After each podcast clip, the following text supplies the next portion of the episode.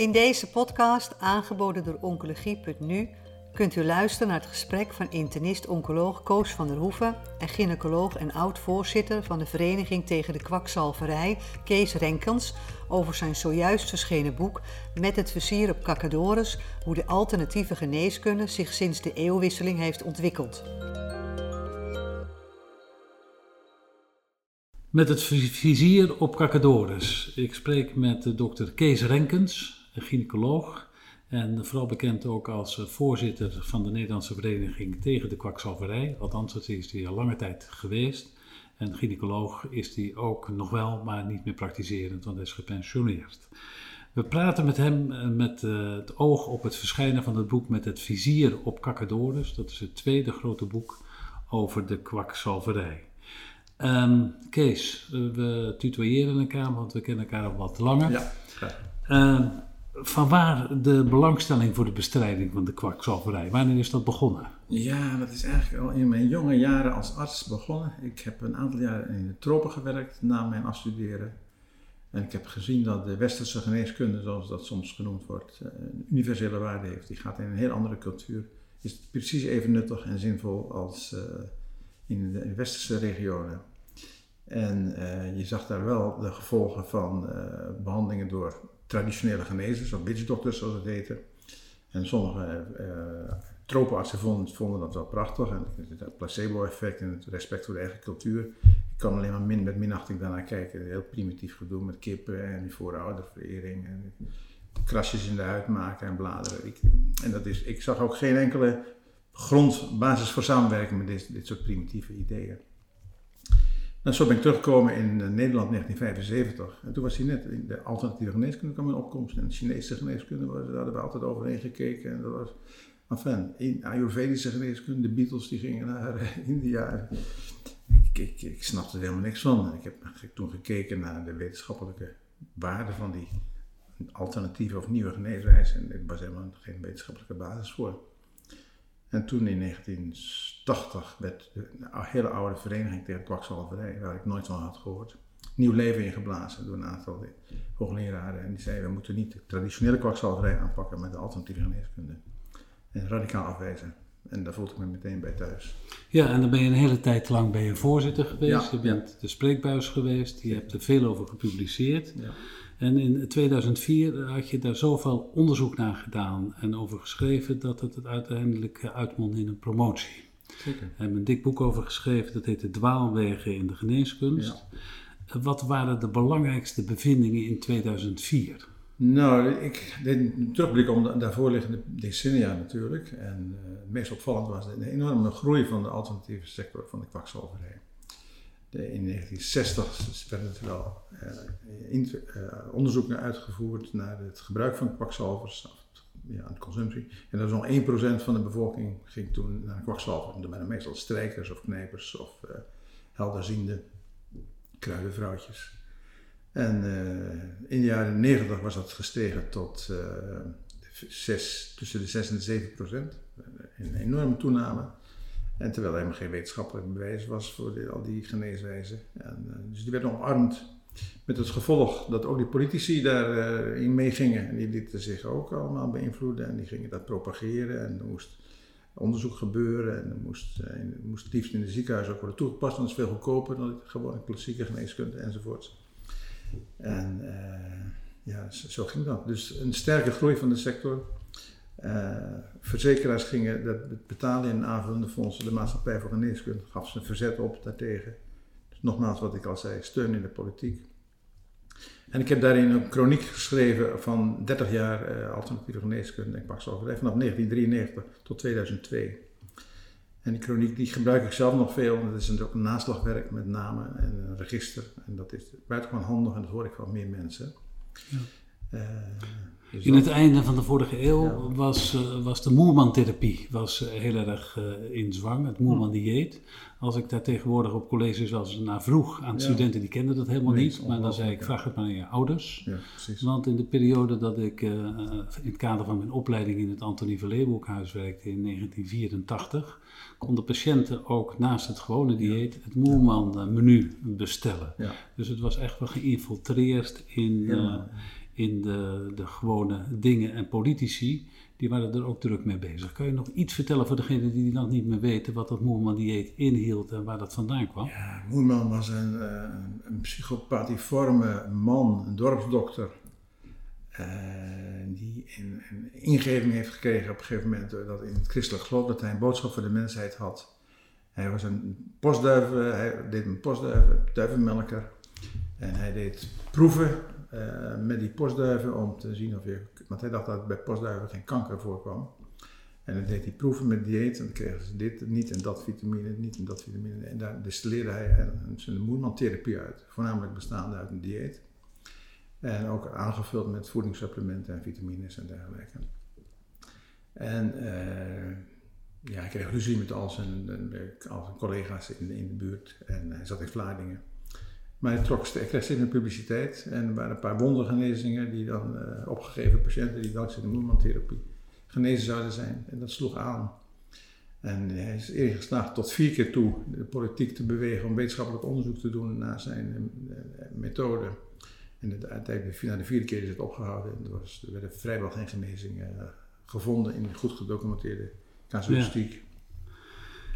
Het eerste boek dat, uh, dat geeft uh, een historisch overzicht. Het kijkt ook naar de wetenschappelijke gronden die er mogelijk zouden zijn. En die heb je toen niet gevonden. Het is een enorm uh, belangrijk naslagwerk, dat, dat proefschrift uit 2004. Mm. veel mensen die promoveren, die hebben de neiging om te zeggen... nou, dat is wel weer genoeg, maar je bent ermee doorgegaan. Je hebt nu een nieuw boek geschreven. Wat was ja, de reden daarvoor? Ja, Nee, die kliniek, die, die chroniek uit mijn proefschrift, die stopte in 2002. Dus dat was alweer bijna 18, 19 jaar verder. En uh, ik had de behoefte aan een aanvulling daarop, want dus, het heeft niet stilgestaan. Dus dat was het eerste. Ik uh, wilde daar toch weer een aanvulling maken. En je kunt het allemaal wel vinden op internet als je zoekt, maar je weet niet waar je moet zoeken. En je zit dus niet in een bepaalde kader, wordt gezegd. Dus ik denk dat het zo, in boekvorm zo'n uh, presentatie nog steeds erg waardevol is. Ook heb ik daarin in het nieuwe boek weer becijferd hoe het met de consumptie is. Is het nog verder toegenomen, is het afgenomen, is het gestabiliseerd? Dat heb ik heel nauwkeurig uitgezocht. En ik heb behalve de, de stukken die ik in het in de tijdschrift tegen de kwakzalver publiceerde en ook in medisch contact en tijdschrift voor geneeskunde en dergelijke, ook nog columns geschreven hier en daar in uh, medische websites en uh, bij Schriftelijk Skepsis. En ik had de behoefte om de, de betere uh, columns uit die periode, de interessantere, te verzamelen. Want die, die, die, die kent lang niet iedereen. Dus dat komt er ook nog wel bij. En ik heb in de loop der jaren ook, ik ben nog een liefhebber van de literatuur, heb ik ook een aantal schrijvers gevonden waar kwakzalvers in hun romans voorkomen. En ook daarvan geeft Dat zijn hele, hele vermakelijke passages die ze in het boek opgenomen. Ja. Als we nou de situatie van nu vergelijken met de periode rond de eeuwwisseling, wat is er dan veranderd? Uh, nou, de kwakzalvers met name, die zijn minder brutaal geworden. Vooral bij zo'n Moerman en Houtsmulder en zo, die beweren dat zij konden kanker genezen met dieet en met pillen. Dat hoor je bijna niet meer. Die, die, de alternatieve artsen die zich met kanker bezighouden zijn heel voorzichtig. En die gaat dan over antioxidanten en dergelijke. En blijf vooral ook je eigen oncoloog trouw. En, dus dat is al een verademing. Uh, het gebruik van alternatieve geneeswijzen bij kankerpatiënten is, is, gestabiliseerd op iets van meestal in de buurt van 15 procent. Dan denk je, nou, dat is nog wel veel. Maar Frits van Dam, die lange tijd ook medebestuurslid was uh, van onze vereniging. En als als psycholoog verbonden was aan het Antonie van Leeuwenhuis, die realiseerde zich dat ook als je bij studenten kijkt of doorsnee bevolking, slikt ook 15 tot 20 procent van de hele Nederlandse slikt supplementen. Dus de kankerpatiënten onderscheiden zich helemaal niet meer van, uh, uh, van de doorsnee bevolking wat het gebruik van alternatieve geneeswijzen. Diëten worden helemaal niet meer gevolgd, niemand niet. Dus dat is een, grote verandering met voor en 2000 zou ik kunnen zeggen. Is er nou een bepaalde groep patiënten die binnen de oncologie gebruik maken van de alternatieve geneeskunde? Of is het door de, de, hele bevolking heen? Ik weet niet of daar specifiek onderzoek naar gedaan is. In algemene termen kun je wel zeggen dat het gebruik van alternatieve geneeswijzen. Uh, het Centraal Bureau voor de Statistiek enquêteert elk jaar 10.000 Nederlanders. En die zitten nu op 5,5% van de bevolking. En dat is gedaald en dat was tien jaar geleden nog 7%. Dus het is een geleidelijke, heel geleidelijke daling. Ja. Dat is mooi. Maar dan denk je, nou, dat valt wel mee. Maar als je realiseert, dat heb ik nu ook tijdens het uitzoeken van de, die, die statistiek voor dit boek. Uh, als je dat specificeert, kijk, onder de 18 jaar, uh, die tellen allemaal mee in de CBS-cijfers, maar daar gaan bijna geen, geen. Dus die, die, drukken het percentage een beetje ten onrecht. Als je kijkt boven de 18, stijgt het percentage consum, consumenten al. Als je dan kijkt met vrouwen, is het ongeveer twee keer zoveel als mannen. Dus als je boven de 18 en de vrouwen, dan stijgt het percentage gebruikers nog meer. Kijk je naar het opleidingsniveau, dan blijkt ook dat een hogere opleiding, met HBO en zelfs academische opleiding, uh, ook helpt. In die zin, daar wordt meer alternatief geconsumeerd dan bij de lager opgeleide, mensen die alleen een lagere school hebben. Misschien wel tegenovergestelde van wat je zou verwachten. Ja, dus dan kom je, als je kijkt, die vrouwen tussen de 25 en 45 jaar met een hoge opleiding, daar gaat er al een derde of zo bezoek jaarlijks een alternatief genezen. Dus daar is nog wel wat zendingswerk uh, te doen. We, we, noemen nu vaak uh, de term alternatieve genezer. Ja. Je hebt eigenlijk heel consequent in de tijd dat je voor de Vereniging uh, tegen de Kwakzalverij mm. werkt, de term kwakzalver gebruikt. Ja. En in je boek beschrijf je ook dat je daar heel veel juridische strijd om hebt moeten voeren. Ja. Kun je daar iets over vertellen? Want het mag nu, hè? Je mag ja, het mag nu, ja. Nou ja, het is veel. Hausmuller was een kankerdokter in de eind van de jaren uh, 90. Plotseling opstond en, met leugens beweerde dat hij zichzelf van kanker had genezen. Uitgezaaide melanoom zou hij hebben gehad. Het was helemaal niet waar. De man was psychi psychiatrisch geworden, maar niemand had het door.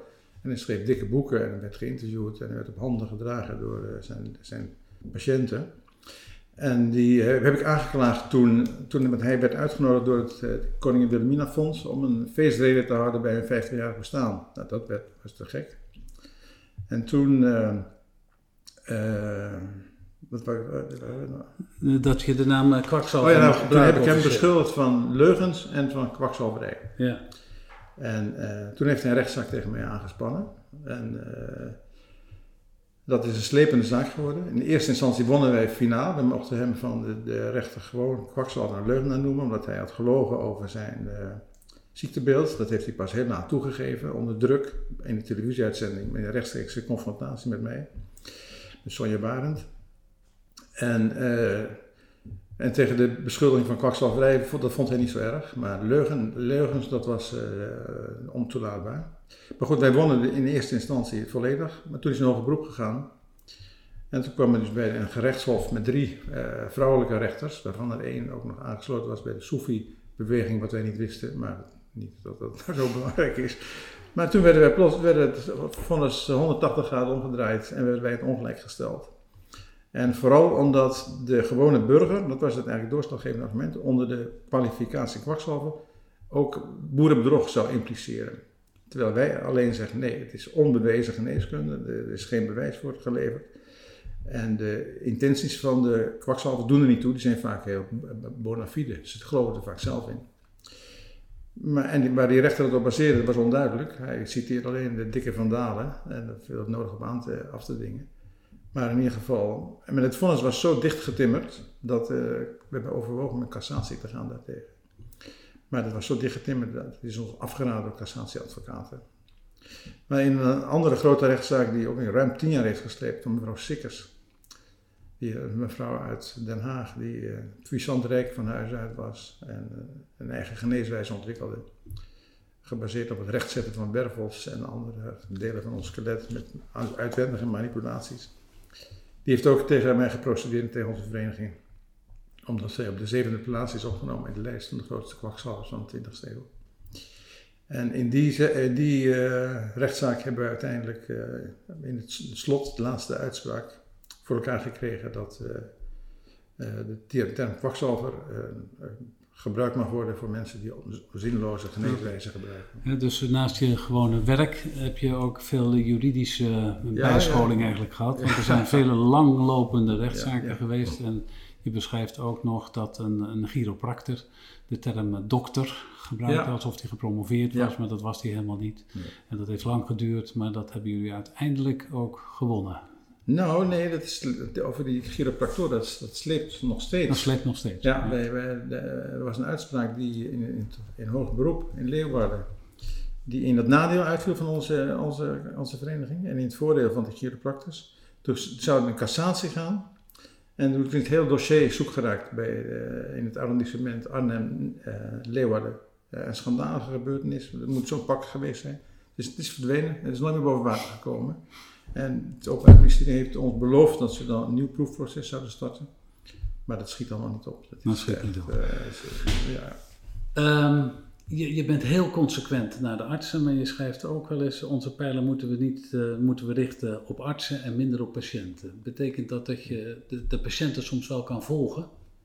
Ja, de patiënt kan ik wel volgen. Ja, die hebben een chronische kwaal waar de gewone geneeskunde niet altijd een goede oplossing voor heeft en dergelijke. Of ze geneeskunde komt met angstaanjagende therapie als operaties of bestraling of uh, sterk werkende geneesmiddelen. Dus die patiënt die vergeef ik alles, dat begrijp ik tot op zekere hoogte ook wel. Ah, okay. Maar artsen die daar achter gaan staan, ja, die moeten hun bult inleveren. Ja. Wie zijn volgens jou op dit moment de moderne kwakzalvers? Dus wie, wie, wie zijn de ja. toonaangevende mensen op dit moment? Ja. Ik kom toch vooral uit de orthomoleculaire hoek met voedingssupplementen en voedingstherapie en leefstijlgeneeskunde. En, en dat, is, dat is denk ik de dominante groep momenteel. En die anderen die bestaan nog steeds, de acupuncturisten en de homeopaten en natuurgenezers, antroposofen en noem ze maar op. Een kleine subgroep zijn de antivaxers, een irritante groep hoogopgeleide, welbespraakte uh, warhoofden, veelal van het vrouwelijk geslacht. En uh, die heeft onze aandacht, onze aandacht ook nog wel nodig. En met kanker, de, kankerbehandeling, alternatieve kankerbehandeling, staat op een heel laag pitje. Het aantal artsen wat ze daarmee bezig waren is verwaarloosbaar, bijna. Je bent altijd in je uitingen en in je boek heel consequent geweest dat je de mensen kwakzalver noemt. Je hebt voor één iemand heb je een klein beetje een zwak getoond. Of althans, dat meen ik in je boek te hebben gelezen. Dat was een mevrouw uit Tjalk. Uh, het, het Zalk bedoel je? Het Zalk. Ja, ik snap het al niet wat je het over...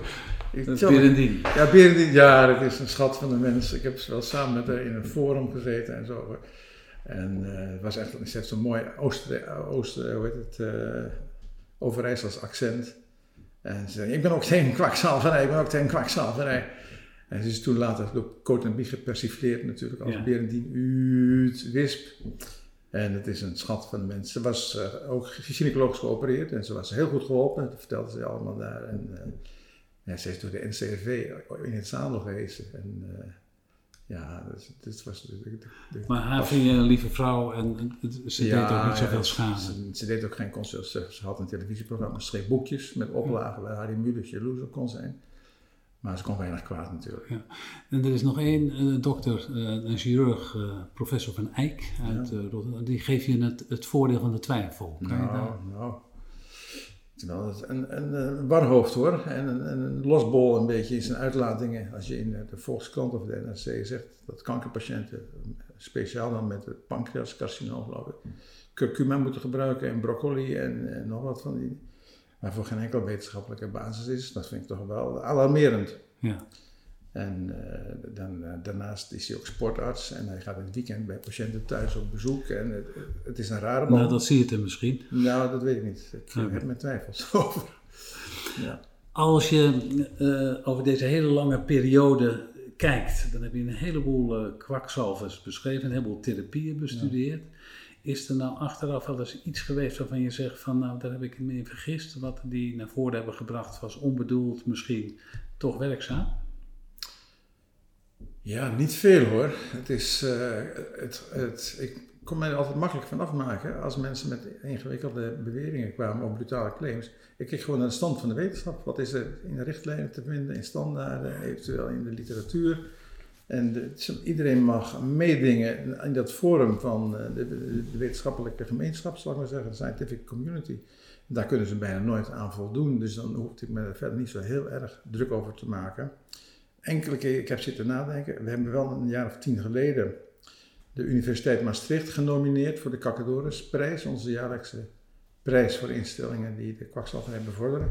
Omdat zij een, een, een psychiater in hun midden, professor Maas, met AE, afkomstig uit Vlaanderen, van een hele rijk geslacht van bierbrouwers. En die was hoogleraar moleculaire psychiatrie. En die man ontspoorde volledig. Die ging acupunctuur doen en, en ook orthomoleculaire geneesmiddelen voorschrijven enzovoorts. En we hebben toen de universiteit ge, uh, genomineerd omdat ze deze man handhaafden. Wat wij niet wisten, en wat we toen wel te horen kregen, dat zij al in een juridische strijd met hem gewikkeld waren om eruit te werken. Maar dat ging niet 1, 2, 3. En toen we dat wisten, hebben we die nominatie ongedaan gemaakt. En toen heeft de Universiteit Maastricht vervolgens, de, want ze dreigden ons met een rechtszaak, hebben gezegd dat ze zich vierkant achter de doelstellingen van de vereniging schaarden. En die man is later inderdaad van het toneel verdwenen. Dus we konden gelukkig snel corrigeren. Je nieuwe boek heet Met het vizier op Kakadores. Waar, waar komt dat Kakadores vandaan? Ja, Kakadores is een oud Nederlandse kwakzalver. En uh, in, een, in, een klucht wordt hij beschreven. Daar hoogte, uh, en ik heb daar ook een samenvatting van die, die klucht, waar Kakadores in voorkomt, in het boek opgenomen. Ja, de term dus heeft iets met kakken te maken waarschijnlijk. En dat Doris, dat is, uh, dat is een, een, manier waarop eenvoudige mensen zich chiquer voordoen. Dat geeft iets deftigs. Het is niet, geen, professor, geen professor als professor van de Hoeven. Maar Kakadores is ook, probeert zich toch een beetje uh, te presenteren als een geleerd en bijzonder man. En uh, de auteur van van die, die, die klucht dat is dan Rederijkers uit Voorne. En uh, het is een mooi verhaal. Ah, oké. Okay. Ja. En uh, de, de, deze persoon hebben jullie uh, ook een prijs naar genoemd. En om ja. de zoveel tijd draagt de Vereniging tegen ja. de Kwakzalverij iemand voor voor de Kakadoresprijs. Ja, jaarlijks. Ja. ja. Goed, nou, er ligt een, een heel mooi boek hiervoor. Ik denk dat het een heel mooi naslagwerk kan zijn. Want het, het beschrijft hoe het in de 20e eeuw was. Het beschrijft hoe het nu is. Uh, je kan erin lezen wat, uh, wat belangrijke schrijvers over, over de alternatieve geneeswijze meegenomen hebben. Er wordt gezocht naar het wetenschappelijk bewijs, dat is niet gevonden. Er worden rechtszaken besproken. Er wordt iets verteld over de mensen die de kwakzalverij uitoefenen. En kortom, het is een, een heel boeiend boek. En omdat zoveel patiënten er ook vandaag aan de dag nog op enige wijze gebruik van maken, ja. denk ik dat het ook in het medisch curriculum nog steeds niet meer staat om uh, dit boek uh, een keer te bekijken of in ieder geval aan het onderwerp aandacht te besteden. Ik ja. neem aan dat dit, dit, dikke boek niet gevolgd zal worden door een derde nog zo'n dik boek. ik, ik, hou nu mee op. Ik hou ja, nu mee op. Wat verwacht je voor de toekomst? Ja, wij hopen natuurlijk de kwakzalverij uit te kunnen roeien. Dat zie ik niet gebeuren. Het is een, een langzame afname, hoop ik toch wel. Het gezag van de wetenschap zal toch geleidelijk steeds sterker worden. Maar uitroeien, nee. Het is het ene oudste beroep ter wereld en dat zal het nog wel een tijdje blijven. Uh, het was niet eenvoudig om het boek uit te brengen, maar het is echt een, een heel mooi boek geworden. Hoe kunnen de mensen het bestellen? Hoe kan je er aankomen?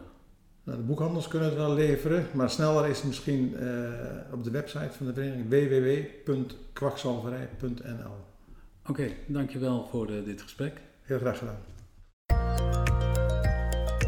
Bent u geïnteresseerd in meer podcasts? Deze zijn te vinden op de website oncologie.nu.